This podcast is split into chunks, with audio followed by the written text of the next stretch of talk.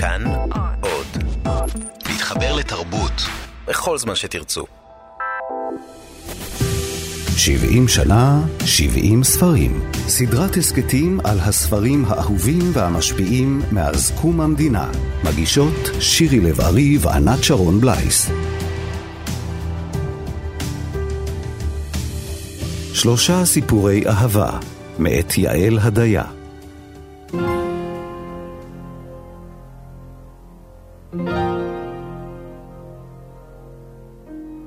ואז בגיל 28-9 עשיתי מעשה מאוד נועז ועברתי לגור בתל אביב.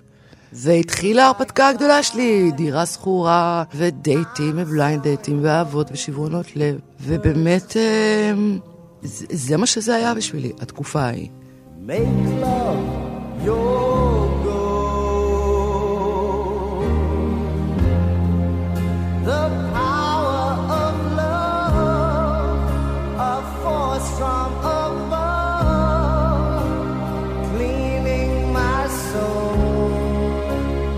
שלושה סיפורי אהבה.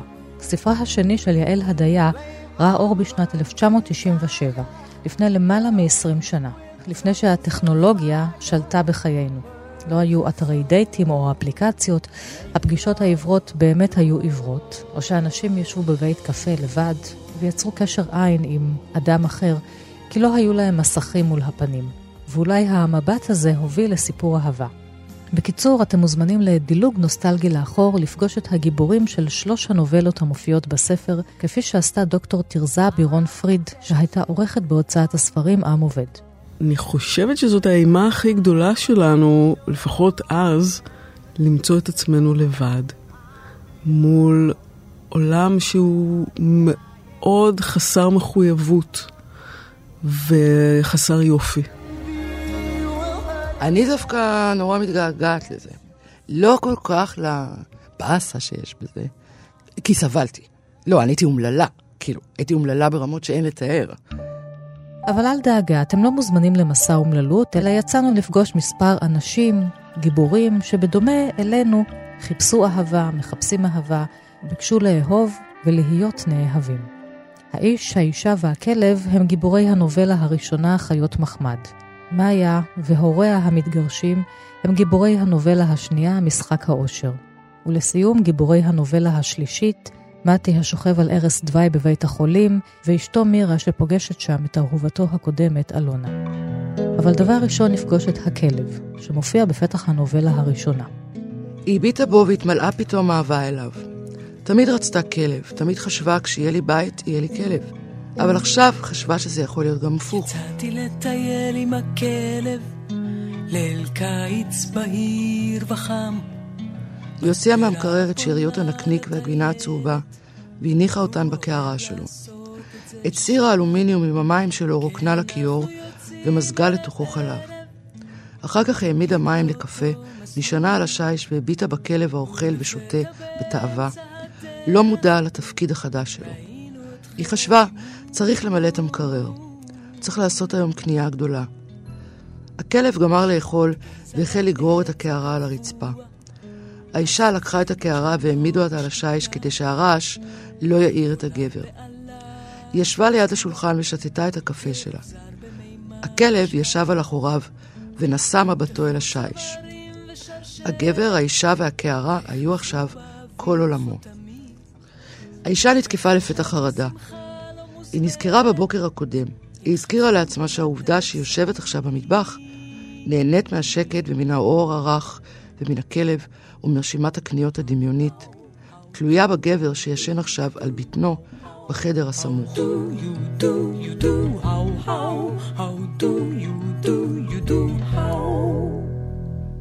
כלב מתוק שיום אחד מחליט להתנפל על השכנה הזקנה ובכך גוזר את דינו למוות. כך מתחיל סיפור האהבה הראשון.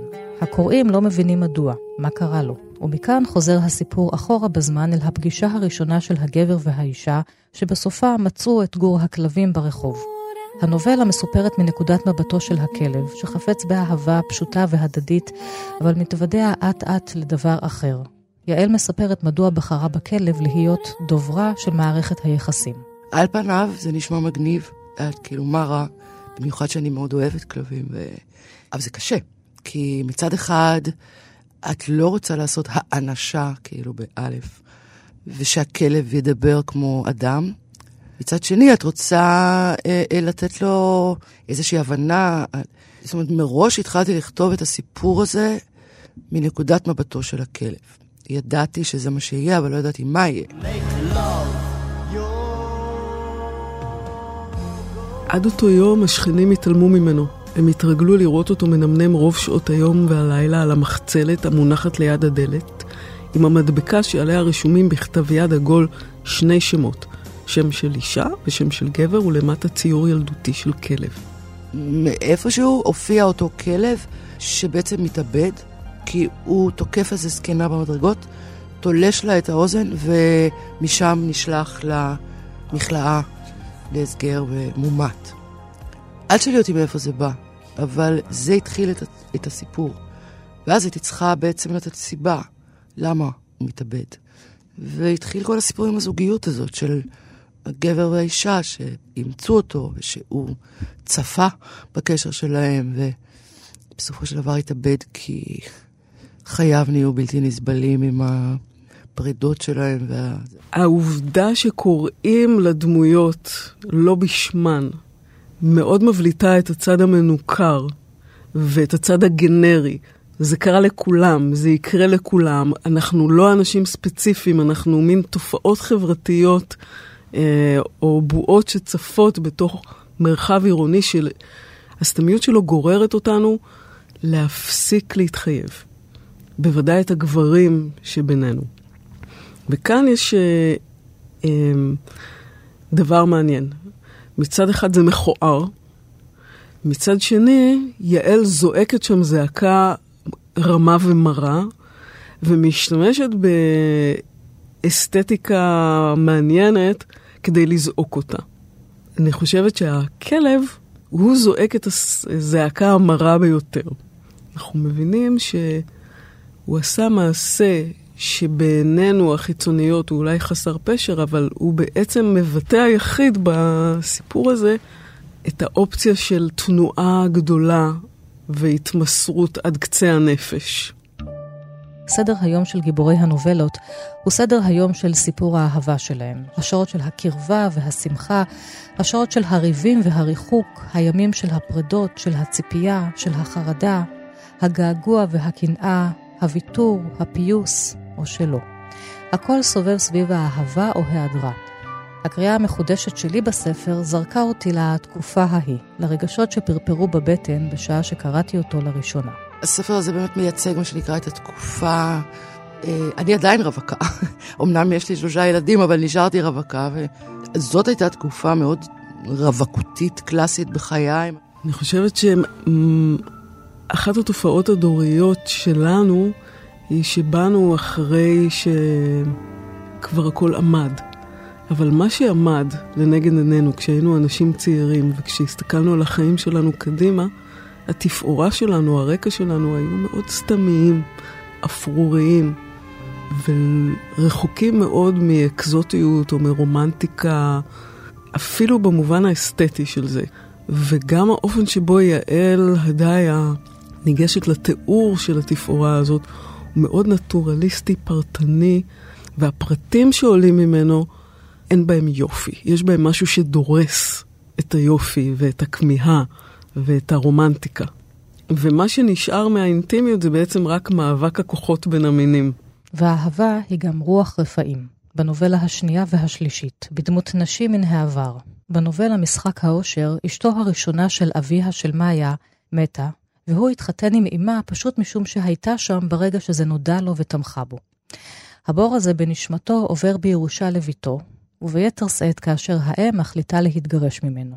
ומכיוון שהייתי הילדה האחרונה שתרצה לבלבל בין האגדות שלה, נעלתי בגאווה את הסנדלים התנ"כיים ביום שאימא ציפתה את רצועותיהם בנייר כסף. אבל בבוקר ירד מבול, מהאסונות הקבועים שפוקדים ילדים בפורים. ובדרך לגן, בעוד אימא אוחזת בידי ומעודדת אותי שהכל יהיה בסדר, ואומרת שחבל שכבר בגילי אני עצובה כל כך וזועפת כמו אבא שלי, דרכתי בשלולית ונייר הכסף נשר מן הסנדל השמאלי. אלה תיאורים שממקמים את הדמויות בעולם שלא מקדם תפיסה אופטימית, ולא מקדם מסירות נפש או רוממות רוח. בעיניי זה, זה כאילו הבטון של המודרניזם אה, והטיח ודודי השמש דרסו את, את השאיפה שלנו, אה, של הצעירים של אותה תקופה, ליופי ולאינטימיות ולחיבור אותנטי בין בני אדם. בנובלה השלישית אנו פוגשים במסדרון בית החולים בו מאושפז מתי את אלונה, מי שהייתה המאהבת הצעירה שלו, שעזבה אותו והותירה גם בו בור כזה שאהבתה של אשתו אינה מצליחה למלא. אלונה אמרתי, קוראים לי אלונה, והיא אמרה, אני יודעת. היא עמדה שם כל כך לבדה במסדרון, שריחמתי עליה וניגשתי אליה ואמרתי, ראיתי אותך פה קודם. אני יודעת, אמרתי, וזה טיפשי שלא הצגתי את עצמי, אבל לא היה לי אומץ. אמרתי לה שאני מבינה, כן, שזה קשה לכולנו, ושאלתי אם היא רוצה להיכנס לראות אותו. כי אין עוד הרבה זמן. אני לא יודעת, אמרתי, אני חושבת שהוא יזהה אותי בכלל? לא, אמרתי, אני לא חושבת, כי אותי הוא כבר לא מזהה. וחשבתי, מה זה קשור? כי אני לא יודעת מה יותר גרוע, אמרתי. והסתכלתי על השיער הקצר שלה, שנראה קיפודי ורך כל כך שרציתי לגעת בו, אם הוא לא יזהה אותי או אם כן. אז את אלונה, היא אמרה וחייכה. אני אלונה, אמרתי, כאילו שיש בזה הודאה או הנחת רווחה שיצאה ממני פתאום. שמעתי עלייך, אמרתי, וחשבתי כמה המשפט הזה מאיים. הסתכלתי על הפנים שלה, שהיו ארוכים ורקים, וציינתי לעצמי שיש לה אור טוב. היה לי קצת קשה להסתכל לה בעיניים, והיא הסירה את המשקפיים, ונגבה אותם בטישו שהיה לה ביד, טישו מלא דמעות. אני חושבת שכדאי שבכל זאת תיכנסי, אמרתי, כי אחר כך לא תסלחי לעצמך אם לא. גן עדן די קטן, וגבולו גיהינום. זה קטע שבו שני הקולות מתערבבים. הקול של אלונה שמבקרת את, ה... את מתי, הגבר שהיא הייתה, הייתה, היה לה סיפור אהבה איתו, כמה שנים אחרי זה, כשהיא בעצמה כבר בת עשרים ומשהו, ופוגשת את אשתו. הוא, התחתן אחרי זה כמובן. ואשתו היא, היא האימא והאישה והראיה, והיא מייצגת בדיוק את הדבר ההפוך ממה שאלונה הייתה אז. ובכוונה הקולות פה מתערבבים, עד שקשה לדעת מי אומרת מה. בעצם שלושת הסיפורים, כשבודקים את תפיסת האהבה שבהם, האהבה במובן, ש... במובן שאנחנו רוצים אה, לחלום עליו, נעדרת מהם. אני חושבת שהאהבה זה... אמ, לא הייתי אומרת את זה לפני 20 שנה, ואפילו לא לפני 10 שנים, אבל אני חושבת שהאהבה זה, זה מיומנות. כאילו, צריך אה, להתלמד וללמוד איך עושים את זה נכון. ויש אנשים שהטבע שלהם והנפש שלהם, ולא חשוב מה, תמיד אה, תביא אותם להתנסות overwhelming אה, קשה ו- ופוצעת. באחד העמודים בנובלה הראשונה כותבת יעל הדיה על הגבר, כי הרגיש שכל מה שנותר מן האהבה הזאת הוא רק פחד. אני לא כל כך יכולה להתחבר יותר לדבר הזה ש- שעובר בסיפורים האלה, שאהבה זה פחד. כי כשכתבתי אותם, אז גם אני הייתי אדם ש... תהה ושאל את עצמו הרבה שאלות על אהבה, ומה זאת אהבה, והאם אני אוהב או אזכה להיות נאהבת אה, כפי שאני. אה, ותליתי, בוא נגיד שהיה לי הרבה מניות מושקעות בדבר הזה שנקרא אהבה. ולא הייתי מוותרת עליה לעולם, כולל לא על השברונות לב. אבל אני לא רואה את זה יותר באותו אופן שראיתי את זה אז. אם את רוצה לצטט, יש uh, שיקוף מאוד יפה של האויבים של הרומנטיקה. היה בזה משהו מרגיע, לדעת שבכל רגע כששוב יתקפו אותו האויבים הישנים, חוסר המנוחה, השעמום, התחושה ששוב רימו אותו, הוא יוכל לזרוק את האישה.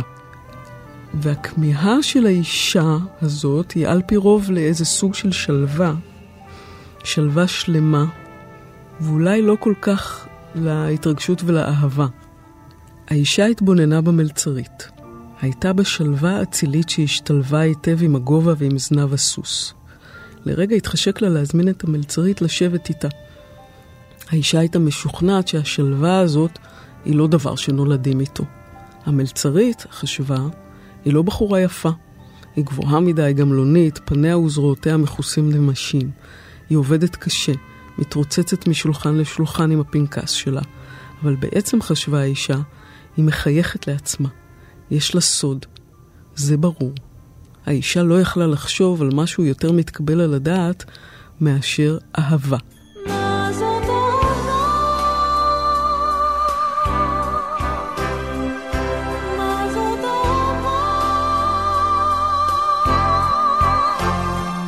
הרומנטיקה והחרדה, הקסם וההתחשבנות, האינטימיות והניכור, הטוטליות מול הפשרות, היום-יום מול רגעי ההתאהבות, הגילוי מול הכיסוי.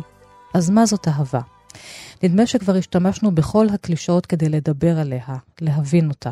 ועדיין לא נואשנו מלחפש את השפה שלה, את המילים הנכונות לתאר את הדבר שאולי חומק מכל לשון.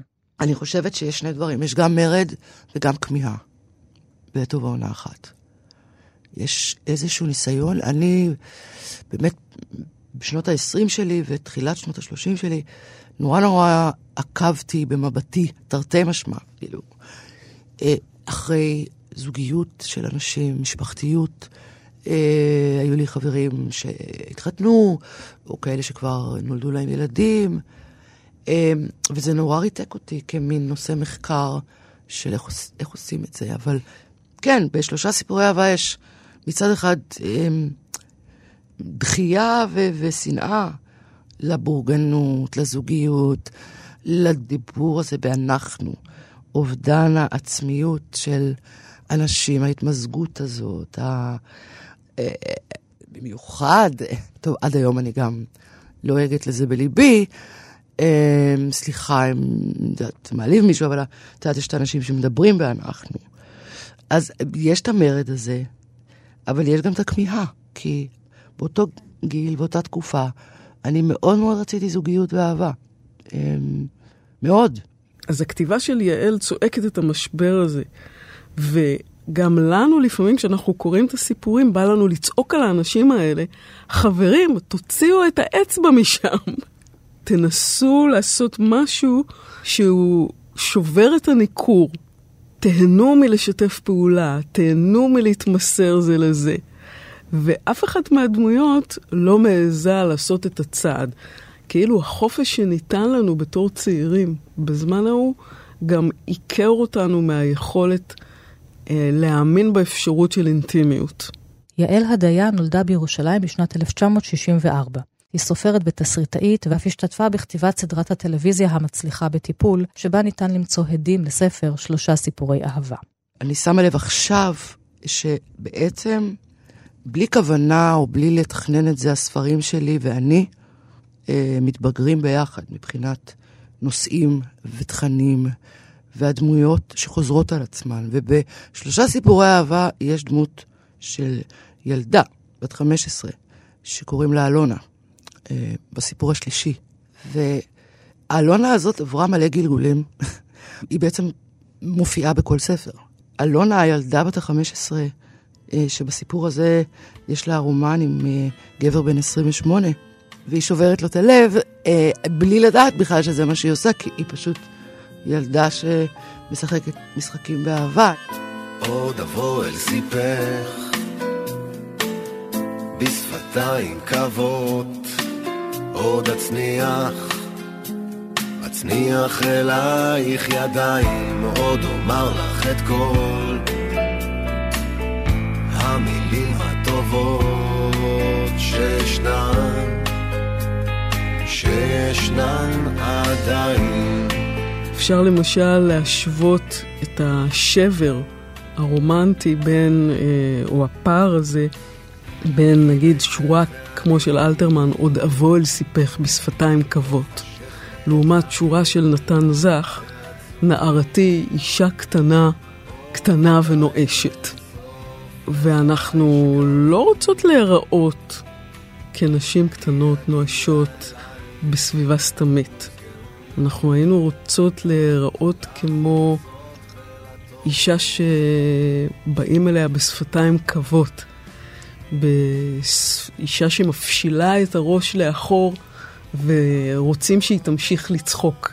כמו בשורות של אלתרמן שהן קצובות, שהן מלאות אסתטיקה. אנחנו לא רוצות להימצא במקום שיעל הדיה משקפת כל כך יפה, לא רוצות להיות במקום הרזה. אנחנו רוצות להוציא מים מהסלע. פעם העולם התחלק אצלי, במיוחד בתקופת כתיבת הספר הזה, לאנשים שבעים ואנשים רעבים. יש אנשים ש, שמסוגלים לסבוע מפחות ולהתקיים על זה במהלך הרבה מאוד זמן. ויש אנשים שהם במצב של רעב תמידי, וזה, וזה אין, אין פה שום דבר אובייקטיבי, זה פשוט מין... אני הרגשתי תמיד שאני מהרעבים. והיום קצת קשה לי להיזכר בבן אדם הזה שכתב את הספרים האלה. זה היה בן אדם על טורבו, ואני כבר לא הבן אדם הזה. גן עדן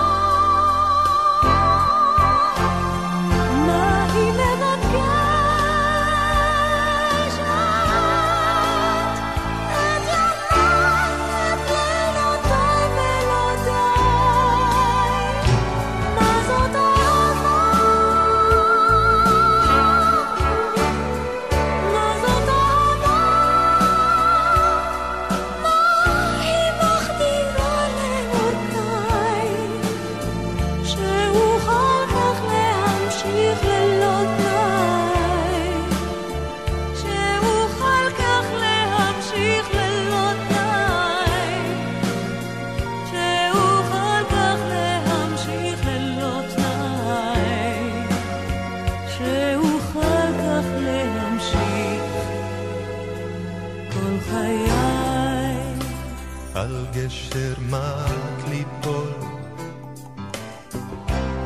אש מכאן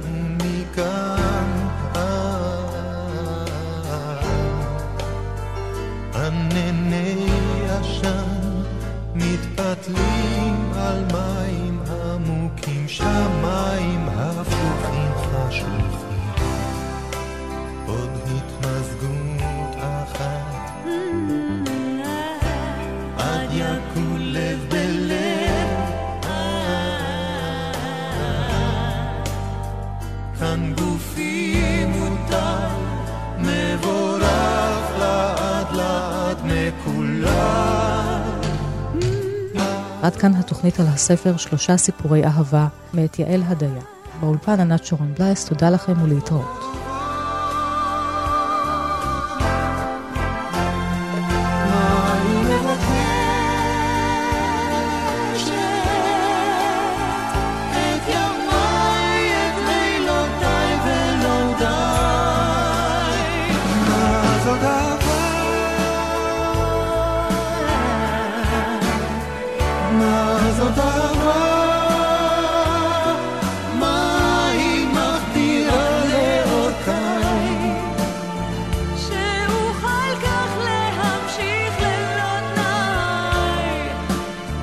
Krishna